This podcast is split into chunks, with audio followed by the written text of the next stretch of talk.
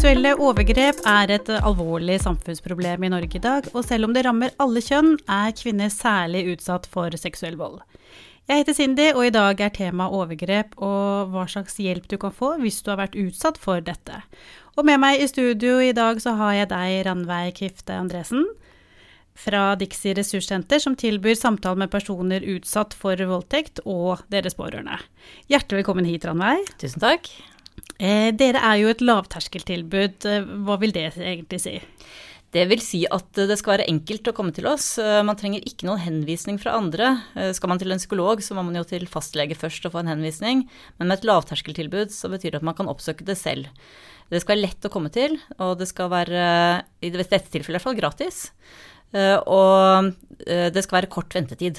Så som regel så ønsker vi at de som tar kontakt, får hjelp i løpet av den første uka de tar kontakt. Å, så bra. Um, hva er det, hva slags tilbud er dere har på Dixie? Hvem er det som kommer til dere? Det er eh, alle former for utsatthet etter seksuelle overgrep. Eh, alle kjønn. Vi tar imot eh, absolutt alle. Men vi har en nedre aldersgrense på 16 år. Så det eneste som man må, er at man tror eller mener at man har vært utsatt for en eller annen form for seksuelt overgrep, eller er usikker hvis det har skjedd et eller annet seksuelt og man lurer på hva i alle dager var dette, så kan man også komme og drøfte det og se om man er i målgruppa eller ikke. Mm. Og så tar vi imot de som er eh, pårørende, eh, altså venner, foreldre, eh, barn av utsatte. For vi har jo en del som er godt voksne også, og da kan det være vanskelig å være barn av de som har vært utsatt. Mm. Og er det da er det enkeltsamtaler, eller er det gruppesamtaler, eller hva, hva, har dere? Vi har begge deler. De aller fleste som bruker Dixie, går til det vi kaller individuelle samtaler. At man møter én veileder. Og da går man til den samme hver gang, sånn at man eh, får en relasjon og føler seg trygg på at man møter en person man mm. kjenner. Uh, og det varierer hvor lenge man har behov for å gå. Noen uh, får på plass en del av tankene og følelsene sine i løpet av bare noen få ganger, mens andre trenger å gå og snakke med oss over lang tid. Eh, og så har vi også samtalegrupper hvor man kan møte andre som også er utsatt. Da er det faste samtalegrupper på fem til åtte personer som alltid er veilederstyrt. Og da møter man de samme menneskene uh, gjennom tolv ganger, men man må alltid ha vært igjennom noen individuelle samtaler først for å se om det er et tilbud som passer. Mm. Men dere som jobber der, hvem, hvem er dere, holdt jeg på å si? Er det, er det psykologer, eller hvem er dere?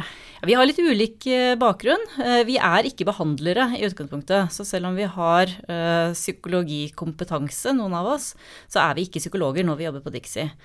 Så der er det sosionom, det er pedagog med fordypning i psykologi, det er master i psykologi, gestaltterapeut. Men vi er opptatt av at vi skal ha litt ulike Eh, bakgrunner, sånn at vi kan i fellesskap hjelpe hverandre til å gi et best mulig tilbud til dem som kommer til oss. Mm. Og så har jo dere mye kompetanse og erfaring på dette. Ja, det er jo selvfølgelig et krav at man må mm. være flink til å lytte, man må være flink til å snakke, og så må man ha spisskompetanse på seksuelle overgrep. Mm. Og det mange sier som kommer til oss, er at uh, det er en fordel å komme til Dixie, for da lurer man ikke på hvorfor man kommer. Man trenger ikke også få det spørsmålet ja, hvorfor kommer du hit, da? Man vet at det er en eller annen form for et seksuelt overgrep. Selvfølgelig ingenting om detaljer eller akkurat hva som har skjedd. Man vet at det er et eller annet seksuelt. Så kommer man til en psykolog og har panikkangst, f.eks., så er det ikke sikkert at man klarer å få fram at det er en voldtekt som skyldes disse panikkanfallene. Kommer man til mm. Dixie, så vet man at det tar vi for gitt, at det er en eller annen form for et seksuelt overgrep. Mm. Men når vi snakker om seksuelle overgrep og voldtekt, altså hva Kan det komme en definisjon på hva er et seksuelt overgrep?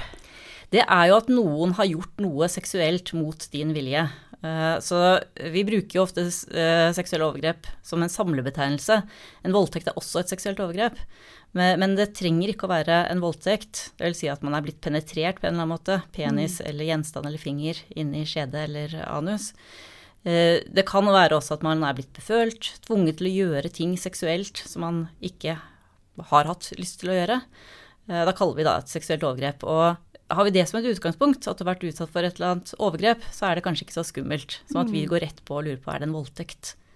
Og jeg syns det var så fint det du sa i sted om at det er også er du usikker på om at du er blitt utsatt for et seksuelt overgrep, og at du da kan komme og snakke om det. For jeg tenker det er mange som er litt sånn usikre hva har skjedd. Man har kanskje drukket, vært på en fest. Eh, hva skjedde egentlig? Man har en, en hunch om at noe har skjedd. men at man likevel da kan få støtte og hjelp, da. Ja, og for en del så kan det være viktig. Var dette her bare en kjip opplevelse, såkalt klein sex, så kan man likevel ha behov for å snakke om det. Og en del kommer til oss og tror at det bare var noe som var kjipt, og som man angrer litt på, men man kjenner at jeg, jeg må snakke med noen. Og så når man går nærmere inn i det, man beskriver det, så kan man få en beskjed om at nei, men dette her var jo overhodet ikke greit, det er faktisk straffbart. Mm. Så er det en del som kommer til oss og er usikre, og som går ut igjen og føler seg ganske sikre på at man har blitt utsatt for en kriminell handling. Mm. Og det er jo en del unge som kanskje bruker Tinder eller sånne ting, som da tenker at dette har jeg gått inn i veldig frivillig, eh, og så møter man noe som man ikke var forberedt på. Eh, hva tenker du om det?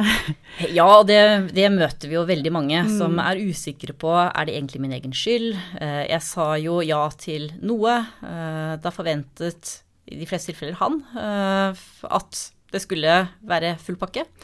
Og dessverre så opplever vi jo ikke rent sjelden at man har starta med en ganske enkel date, har kanskje tatt et glass brus eller en kopp te, og så plutselig så føler man at man er med i en pornofilm. Mm. Med ganske hard sex. Halsgrep er ikke helt uvanlig. Analsex uten at det har vært noe som helst ønske om det, og uten at man har gjort noen avtale om å ha sex i det hele tatt. Og så får man en følelse etterpå at ja, men jeg var jo med på dette. Jeg var jo med på daten. Jeg satt jo der og drakk denne brusen eller denne teen. Og så, før man visste ordet av det, så var man med på noe veldig mye Eller noe, helt annet mm. enn det man hadde forespeila seg. Og da kan det være greit å snakke med noen. Og vi skulle jo ønske at mange flere snakka med ungdom om dette også, for dessverre så tror vi at det er en del som tror at det man ser fra pornoen, uh, er sånn det er i virkeligheten, og at man ikke trenger å gjøre avtaler mm. før man gjør sex. Men det mener jo vi, at sørg for å få et samtykke før du har sex med noen. Ikke sant. Eh, og når en person blir utsatt for et seksuelt eh, overgrep, så er jo dette en alvorlig hendelse som kan påvirke den utsatte i lang tid. Hvilke kortsiktige og langsiktige konsekvenser eller symptomer ser dere hos den som blir utsatt for et overgrep? Det er jo veldig ulikt. Eh, alle mennesker er ulike, eh, og det vet vi jo fra hverdagen ellers. Eh, blir man utsatt for erting eller mobbing, en ulykke, så er reaksjonene ulike. Altså, det gjelder også seksuelle overgrep.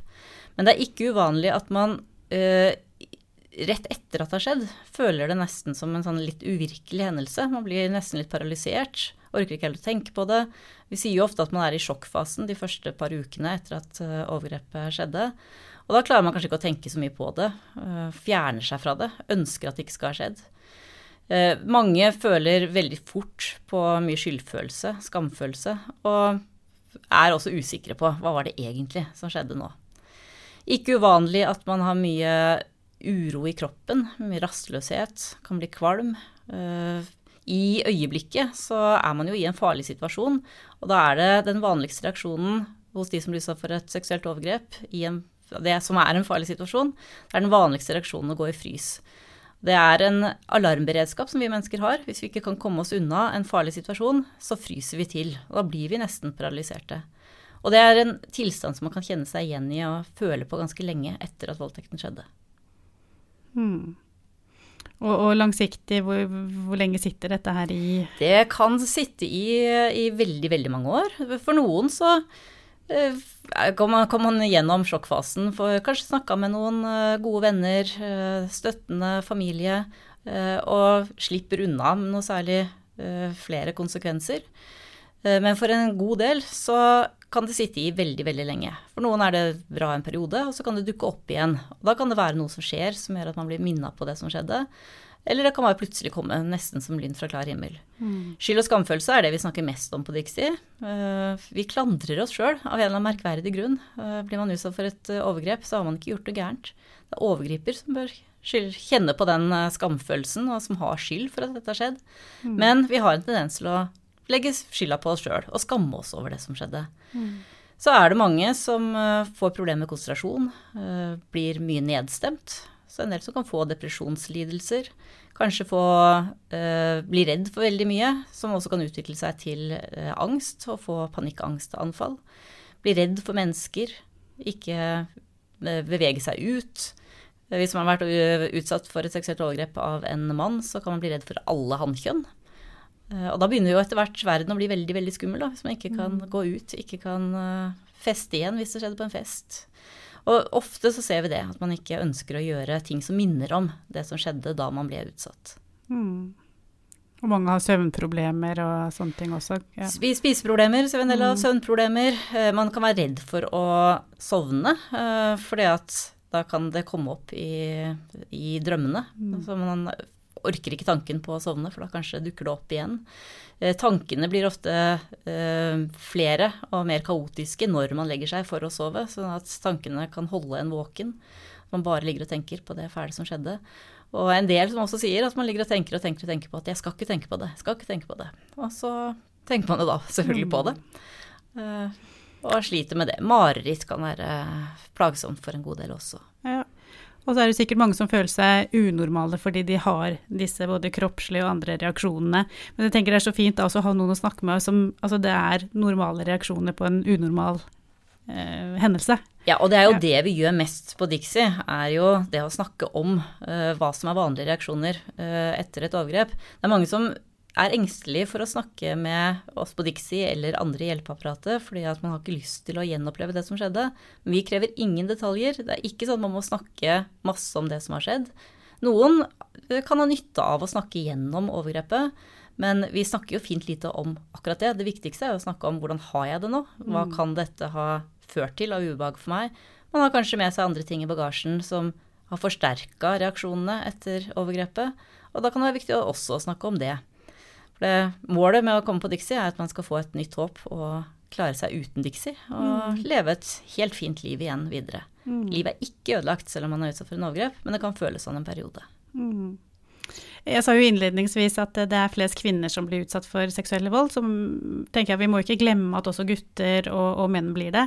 Er det. Ser du noen andre reaksjoner eh, på gutter og menn som har opplevd eh, seksuelle overgrep enn hos kvinner? Reaksjoner etter eh, overgrep er individuelle. Eh, så det, det, er veldig vanskelig å si at dette er en typisk eh, guttereaksjon og dette er en typisk jentereaksjon. Vi ser veldig mye av de samme faktorene. Jeg sier innimellom at noen av de mannlige brukerne jeg har hatt, har kanskje vært mer presise i sin bestilling. Kanskje fordi at de har brukt litt lengre tid på å tørre å ta kontakt med Dixie, så vet de mer hva de ønsker å få hjelp med. Men ellers så ser vi veldig mye av de samme reaksjonene. Men så er det jo en kjensgjerning at det å være gutt eller mann og bli utsatt for en voldtekt av en kvinne, det rokker noe med de forventningene vi har i samfunnet om hvem som er det sterke kjønn og svake kjønn, og hvem som voldtar og hvem som blir voldtatt. Så det kan jo være ekstra skamfullt for en mann å innse og innrømme at man har vært utsatt for en voldtekt av en kvinne. Men de fleste voldtekter som skjer i Norge, skjer av menn. Sånn de fleste mennene som kommer til Dixie, sier også at de har vært utsatt for voldtekt av en annen mann. Mm. Og når man ser for seg, eller mange som ser for seg en, en voldtekt, eh, forestiller seg at det er en overfallsvoldtekt med en fremmed gjerningsmann.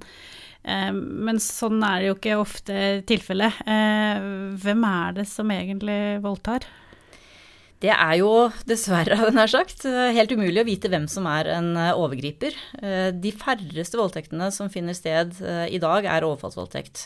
Det skjer som regel av en du kjenner, enten som du ganske nylig er blitt kjent med, eller en som du kjenner veldig godt. De fleste voldtekter skjer også på fest, gjerne i forbindelse med en eller annen form for rus, hvor både utsatt og overgriper er påvirka av alkohol eller andre rusmidler. Men den myten om at det er fremmede Mm. nærmest monstre som står for voldtektene, den må vi bare avlive. For det mm. er ikke tilfellet. Mm. Uh, og hva tenker du at vi som samfunn kan, bli, kan gjøre for å forebygge og avverge voldtekt? Altså hva er det som skal til? Jeg tror at det aller viktigste vi kan gjøre, er å snakke om det. Så det å lage en podkast som dette er jo mm. et viktig forebyggingstiltak. Mm. Uh, at flest mulig vet hva en voldtekt er. Eh, at vi snakker om samtykke, eh, snakker med barn og ungdom. Vi begynner altfor seint, tror jeg, å snakke med barn om grensesetting. Hva er greit, hva er ikke greit. Eh, dessverre er det veldig få som tør å ta i eh, pornoen. Eh, nå er det ikke sånn at jeg med det mener at vi må forby pornoen, men vi må snakke om det. Vi må mm. snakke om hva er det pornoen er. Det er noe helt annet enn det dagens foreldregenerasjon møtte da de ble kjent med porno. Og barna er små når de møter det første gang, og det er ganske mye vold i dagens porno. Mm. Så det å, at alle som møter barn og ungdom, er kjent med hva det er, hva det gjør, og snakker med ungdom om det på barn og ungdom på, det, mm. på en ordentlig måte. Sånn at de får en forståelse av det er. Dette er ikke virkelighet, det er skuespill. Mm. Og den volden som er Altså mesteparten er, jeg tror det er 97% av volden som er i porno, er jo retten mot kvinner. Ja, ja, og det er veldig, veldig skeivt mm. uh, i pornoen. Uh, jeg, hørte, jeg, hørte, nettopp en som kommenterte, som sa selv at han er en pornobruker, er homofil. Og så Man blir litt sjokkert over det han ser når han kommer inn på en pornoside først, med den heterofile uh, pornoen, nettopp fordi at det er så veldig kvinneundertrykkende, og også lurer på hvor gamle er egentlig de, de skuespillerne i mm. uh, denne pornoen. Og mener da at homsepornoen er, er bedre i så måte. Mm. At det ikke er så mye vold. Mm. Uh, men dessverre så er det veldig mye fremstilling av overgrep i pornoen. Og hvis barn ser dette og tror at det er sånn det skal være, så er det nok en del som da kan bli en overgriper som ikke vet og skjønner at det er det man gjør. At man utsetter en annen for et overgrep. Så det er mange som tror at ja, ja, det kan, kan ikke være så farlig. Så det å snakke om konsekvensene, at i verste fall så kan man i perioder føle at man ikke har et verdig liv lenger etter å ha vært utsatt. For vi har jo de som sliter med selvskading og selvmordstanker også, når det er de mest alvorlige konsekvensene. Og jeg tror jo de færreste ønsker å påføre andre den typen smerte. Og det må ungdommen bli klar over. At mm. det er kjempebelastende å bli utsatt for et overgrep. Mm. Eh, hvis en ungdom eller ung voksen er blitt utsatt for et seksuelt overgrep, hva er det viktig at den personen gjør da? Hvis man skal gjøre det som vi mener er det aller beste og riktige, så er det å umiddelbart, så, fort man skjønner hva som har skjedd, å oppsøke eh, helsehjelp. Og så vet vi at det er vanskelig. så selv om vi sier at det er det som er det lure å gjøre, så, så, skjønner vi at mange ikke gjør det. Men hvis noen ringer til Lixi dagen etter eller to dager etter at det skjedde, så sier vi alltid at prøv å dra til overgrepsmottaket først. Mm. Og er det ikke overgrepsmottak i nærheten, så er fastlegen også en god instans. Og det er for oss å få sjekka kroppen, for man kan få fysiske skader også. Og man kan få nødprevensjon hvis man er eh, jente og utsatt av en gutt. Man kan få forebyggende medisiner, sånn at man kan slippe å få seksuelt overførbare sykdommer. Så det å få den der helsesjekken tror jeg er viktig. På et overgrepsmottak så kan man altså få det vi kaller psykososial støtte. Så man får den første samtalen om hvilke konsekvenser kan dette få, hva kan du føle nå? Og kanskje få en henvisning til en psykolog, eller få beskjed om at Dixie eller et annet senter som kan hjelpe etter overgrep, eh, kan ta imot deg i løpet av kort tid. Så det lure er å oppsøke helsehjelp. Og så vet vi at det er vanskelig, men det er aldri for seint å oppsøke helsehjelp. Så har det gått to dager, to uker, to måneder, kan fortsatt dra til en lege og få tatt disse undersøkelsene. Mm. Eh, og så tenker jeg litt på Én ting er den som er blitt utsatt for et seksuelt overgrep, men det er jo ofte mange rundt den personen som gjerne vil hjelpe på en eller annen måte. Eh, har du noen tips til hva de personene rundt kan gjøre? Da tenker jeg kanskje på foreldre, skole, venner. Ja, Hvis man nå vet at det er et seksuelt overgrep, så er det jo viktig å være der, være en støttende person. Ikke begynne å stille masse spørsmål. På ingen måte spørsmål som øh, den som er utsatt kan oppfatte som 'tror du meg egentlig ikke'? Men det å være der, være lyttende, øh, prøve å støtte opp så mest man kan. Hvis man syns det er vanskelig, så si det. Vet du hva, dette syns jeg var vanskelig. Jeg vet ikke hva jeg skal si. For det, det sier også ganske mye. Hvis man er usikker, Eh, poden på en eller annen måte har forandra seg. At det plutselig er en endring i atferd. Man blir uh, mye mer inneslutta, eller man blir plutselig mye mer utagerende. Lurer på har det skjedd et eller annet. Så er vår erfaring at det kan være ganske fint å spørre et uh, helt direkte spørsmål. For får man, får man det spørsmålet Jeg ser at det har skjedd noe med deg. Jeg lurer på hva det kan være. Har noen vært slemme mot deg, eller har noen, uh, har noen misbrukt deg? Så er det mye lettere å tørre å innrømme det etterpå. Kanskje man sier nei med en gang, men da har i hvert fall den andre åpna opp for at jeg tør å ta imot et svar fra deg. Ikke bli veldig sjokkert. Det er også vår erfaring. Hvis vi møter en som har vært utsatt med at å, å nei, det må være fælt, og det ikke føles sånn for den andre, så føler den seg jo rar da. Det er jo ikke sikkert at man har den her panikkfølelsen selv. Da må i hvert fall ikke de som er rundt, møte med panikk. Men prøve å ta det inn på en rolig måte, være støttende, og så spørre om er det noe jeg kan hjelpe deg med på en eller annen måte. Mm. Og er du usikker om pårørende, ta kontakt med Dixie eller et annet lavterskeltilbud. Så kan vi også gi litt råd om hvordan det kan være lurt å gå fram mm. når man er pårørende. Ja, for som du sa i sted, så er det jo både venner og liksom, mange rundt altså, som har mulighet til også å ta kontakt med dere. Ja, vi tar imot uh, alle som har spørsmål, egentlig. Det gjelder mm. også fagpersoner. Mm. Det hender jo at man uh, sitter der og blir, føler seg litt hjelpeløs, og da er det bare å ta en telefon eller skrive en e-post. Så mm. svarer vi som best vi kan.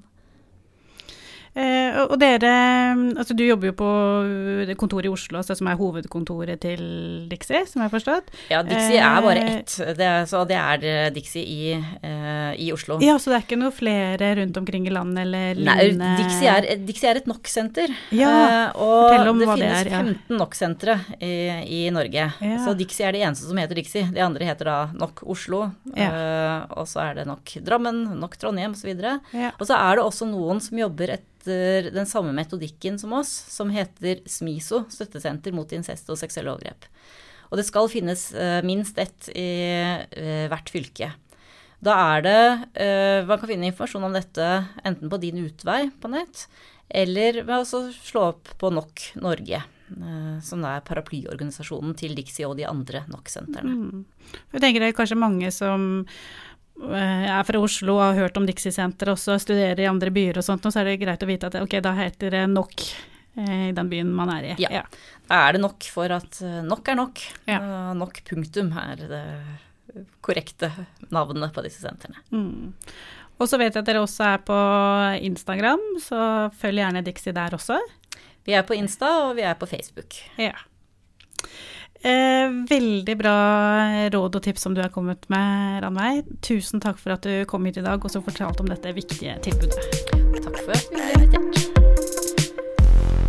Mitt navn er Cindy Engmark Sandvold. Det tekniske var ved Helle Midtbø. Helle og Cindy har også hatt det redaksjonelle ansvaret.